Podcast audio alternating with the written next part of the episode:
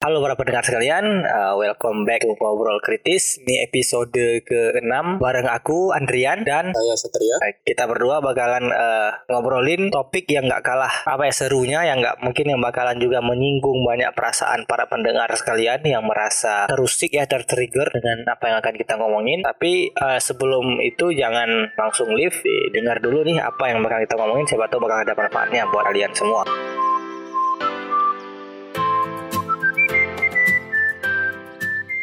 Ya, episode kali ini kita bakal ngomongin apa nih, San? Nah, pada kesempatan kali ini kita akan bahas tentang terkait lemahnya generasi, lemahnya mental generasi muda di era postmodern. Yoi. Teman-teman sekalian, nah belakangan ini kan kita udah sering lihat nih di media sosial sekarang udah sering bahas tentang mental illness uh, atau pokoknya gejala-gejala permasalahan mental yang ada di generasi muda sekarang. Nah, bisa dilihat bahwa sekarang kita uh, ada beberapa kalangan menilai bahwa kayak semacam ada uh, lebih lemah mental daripada generasi sebelumnya. Nah, kira-kira benar nggak sih eh, bahwa generasi zaman sekarang ini mentalnya lebih lemah daripada generasi-generasi sebelumnya? Nah, di episode kali ini kita akan bahas beberapa topik terkait ini dengan mengajukan beberapa pertanyaan-pertanyaan yang nanti akan kita jawab sama-sama. Kita bakalan ngegibahin nih generasi-generasi sekarang termasuk ya termasuk aku juga termasuk generasi sekarang tapi lebih ke apa ya Gen Z atau milenial ya. Apalagi kita melihat sekarang ya kayak di media sosial itu bertebaran banyaknya keluhan uh, mungkin dengan karena notabene nya sekarang sekarang juga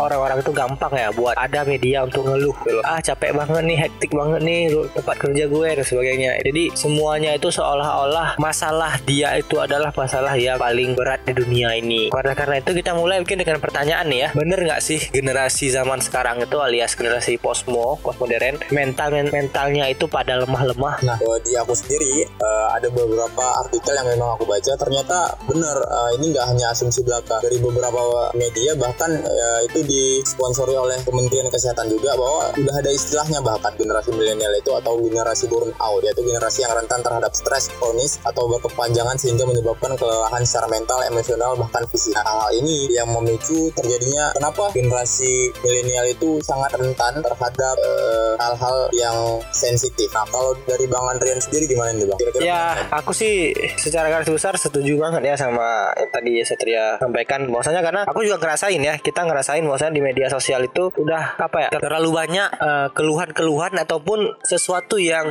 udah hyperbola banget. Dalam artian apa-apa itu geluh apa-apa rasanya dikit-dikit mental abuse. Dimarahin disuruh beli uh, gula sama orang tua ke warung broken home. Ataupun apa ya di tempat kerja dibentak sedikit sama bos ah ini uh, apa namanya istilahnya ruang kerja yang tempat kerja yang toksik yang tidak yang abuse terhadap mental nggak peduli terhadap kesehatan mental dan sebagainya. Jadi semuanya itu rasanya uh, pasti ada istilah-istilah yang memang membuat apa ya sebagai sebagai, sebagai pelarian. Lah pelarian bagi generasi-generasi yang memang menurutku sih pada lemah ya mental ya. Mungkin kayak kurang di ospek itu dah. Iya benar. Jadi seolah-olah sesuatu yang dialami mereka mengakibatkan mood yang gak enak langsung dijudge sebagai mental illness. Ini sebagai sesuatu yang terlalu berlebihan. Jadi ya wajar sih kalau misalnya generasi sekarang itu dibilang generasi yang lemah. Iya nih apalagi ada yang istilahnya overthinking itu yang ah bentar-bentar overthinking, insecure, insecure. Jadi apa ya waktu hidup itu udah kayak rasanya melihat perilaku media sosial seperti itu nggak semua sih tapi memang kebanyakan terlalu banyak dengan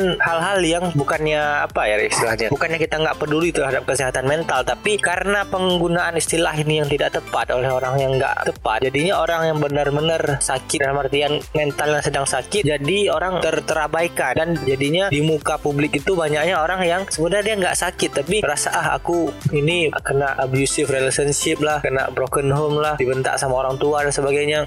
Jadi mental-mental lembek yang enggak layak seharusnya bisa jadi apa ya jadi penerus generasi itu jadi pemimpin masa depan ya. Sorry sorry itu sih nih kalau aku bakal ngomong langsung seperti ini. Kalau Satria sih uh, menurut Satria ini penyebabnya apa sih? Pada jadi lemah mental kalau yang dari beberapa bahan bacaan yang Satria baca oh masalah ini umumnya disebabkan secara umum oleh pekerjaan ada juga bisa muncul di ranah lainnya kayak kayak entah itu ngurus anak, hubungan asmaranya, bahkan hingga permasalahan dalam media sosial. Nah ini nih yang terutama di media sosial yang bisa buat orang itu overthinking dan segala macamnya. Apalagi kalau misalnya media sosial yang paling sekarang tren itu TikTok. TikTok itu tempatnya memang sesuatu yang semuanya ada di situ. Tempat bergaul baru, terlebih di masa pandemi itu menjadi tempat yang sangat-sangat riuh banget bagi media sosialan. Nah, terus berdasarkan The Health of America Report atau untuk bahas istilahnya tadi generasi burnout adalah hal nyata yang berdampak pada generasi milenial, terutama dalam hal kesehatan mental dan emosional mereka. Tapi hmm. uh, di sisi lain, di sisi lain, saya pribadi meyakini bahwasanya ada faktor pendorong eksternal nih untuk hal-hal semacam pencapaian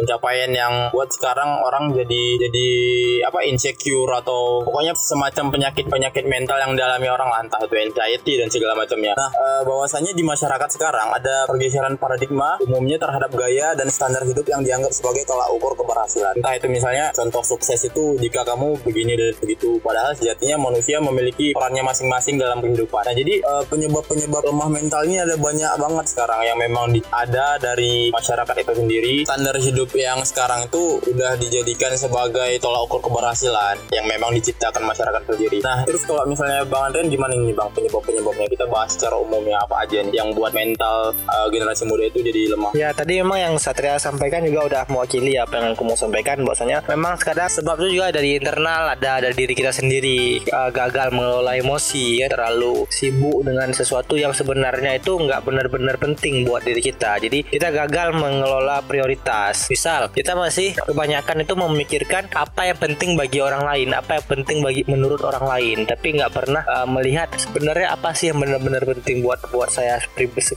apa saya sendiri gitu loh. Jadinya uh, prioritas kita itu udah beda, udah aneh, udah keluar gitu loh. Bukan lagi ke dalam diri kita sendiri. Itu satu. Kemudian dari eksternal juga kayak Satria bilang tadi ya, kita kita juga apa dalam artian jadikan lingku apa lingkungan itu menjadikan kita tidak memberikan value, menghargai diri kita lebih daripada yang hak-hak kita gitu loh. Lingkungan yang memang nggak semua sih dalam artian lingkungan yang tidak menghargai kita, apalagi lingkungan-lingkungan keluarga sekarang ya. Itulah kenapa keluarga itu dia penting banget bagi orang tua itu kalau kamu siapa pun kamu yang bakal jadi orang tua tolong belajar tolong siapkan diri jangan sampai membuat uh, orang lain itu terutama anak-anak itu jadi korban karena ketidakmampuan mengelola emosi gitu loh. Jadi kayak Satria bilang tadi malah jadinya standar-standar yang dibentuk itu standar-standar yang uh, tidak sesuai dengan katakanlah diri kita sendiri. Misalnya harus jadi dokter sedangkan passion kita di seni harus menjadi arsitek sedangkan passion kita di olahraga. Jadi dua hal kadang-kadang yang kita berbeda sekali tapi terpaksa. Lingkungan kita itu malah yang memaksa kita itu jadi apa ya nggak suportif terhadap diri kita sendiri. Padahal hidup itu kan salah satu yang terpenting adalah kita harus care terhadap diri sendiri dulu. Itu dulu baru kita bisa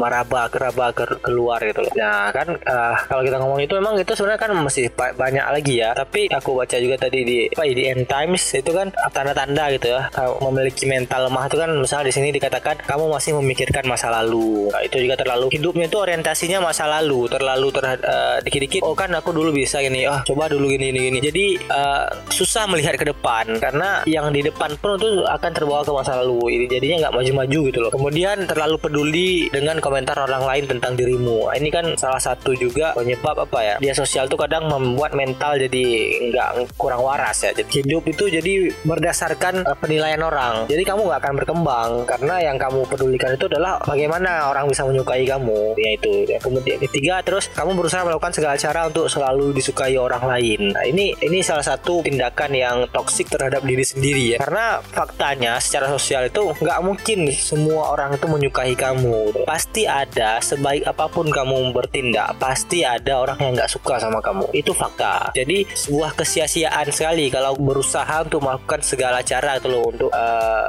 disukai semua orang ataupun segala cara untuk disukai orang lain gitu loh. Kita melakukan sesuatu yang pertama itu ada baik berdasarkan apa? Agama, hukum, uh, norma sosial. Setelah kita melakukan itu, kalaupun memang ada orang yang nggak suka, ya itu bukan urusan kita.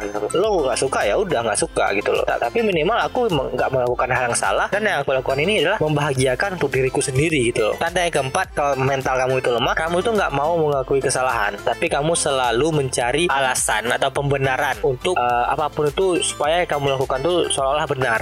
Ini beda ya mencari kebenaran sama mencari pembenaran. Jadi orang zaman sekarang kan kebanyakan seperti itu di media sosial. Bukannya mencari kebenaran, tapi malah mencari pembenaran pembenaran. Kemudian yang kelima, kamu merasa dirimu selalu lebih baik daripada orang lain. Nah, ini kan sebuah sifat kesombongan yang sebenarnya bego sebenarnya. Karena kita merasa dirimu lebih baik itu uh, tandanya kita sangat apa ya? Dunia itu masih kecil. Kamu tuh belum berkembang. Sudut pandang kamu, perspektifmu tentang dunia itu sangat sempit gitu loh. Karena orang di luar sana kan masih banyak. Yang keenam itu kamu adalah tipe orang pendendam. Yang apa ya? Gini misalnya, orang mengkritik itu misalnya uh, aku pribadi, aku mengkritik itu bukan membenci. Kritik itu bukan tanda benci gitu. Tapi kritik itu tanda peduli loh. Jadi jangan sampai beranggapan kalau ada orang yang mengkritik kamu bahwasanya oh orang itu dia dia benci sama aku gitu. Dia udah mengkritik aku berarti dia tanda dia nggak suka sama aku, dia nggak mau uh, bergaul sama aku. Enggak. Itu harus kamu pahami. Jadi kurangi emosi, kurangi dendam terhadap apa-apa yang uh, terhadap kritik. Ada orang yang mengingatkan kamu. Selanjutnya itu nomor yang ketujuh, kamu mudah dipengaruhi orang lain. Ini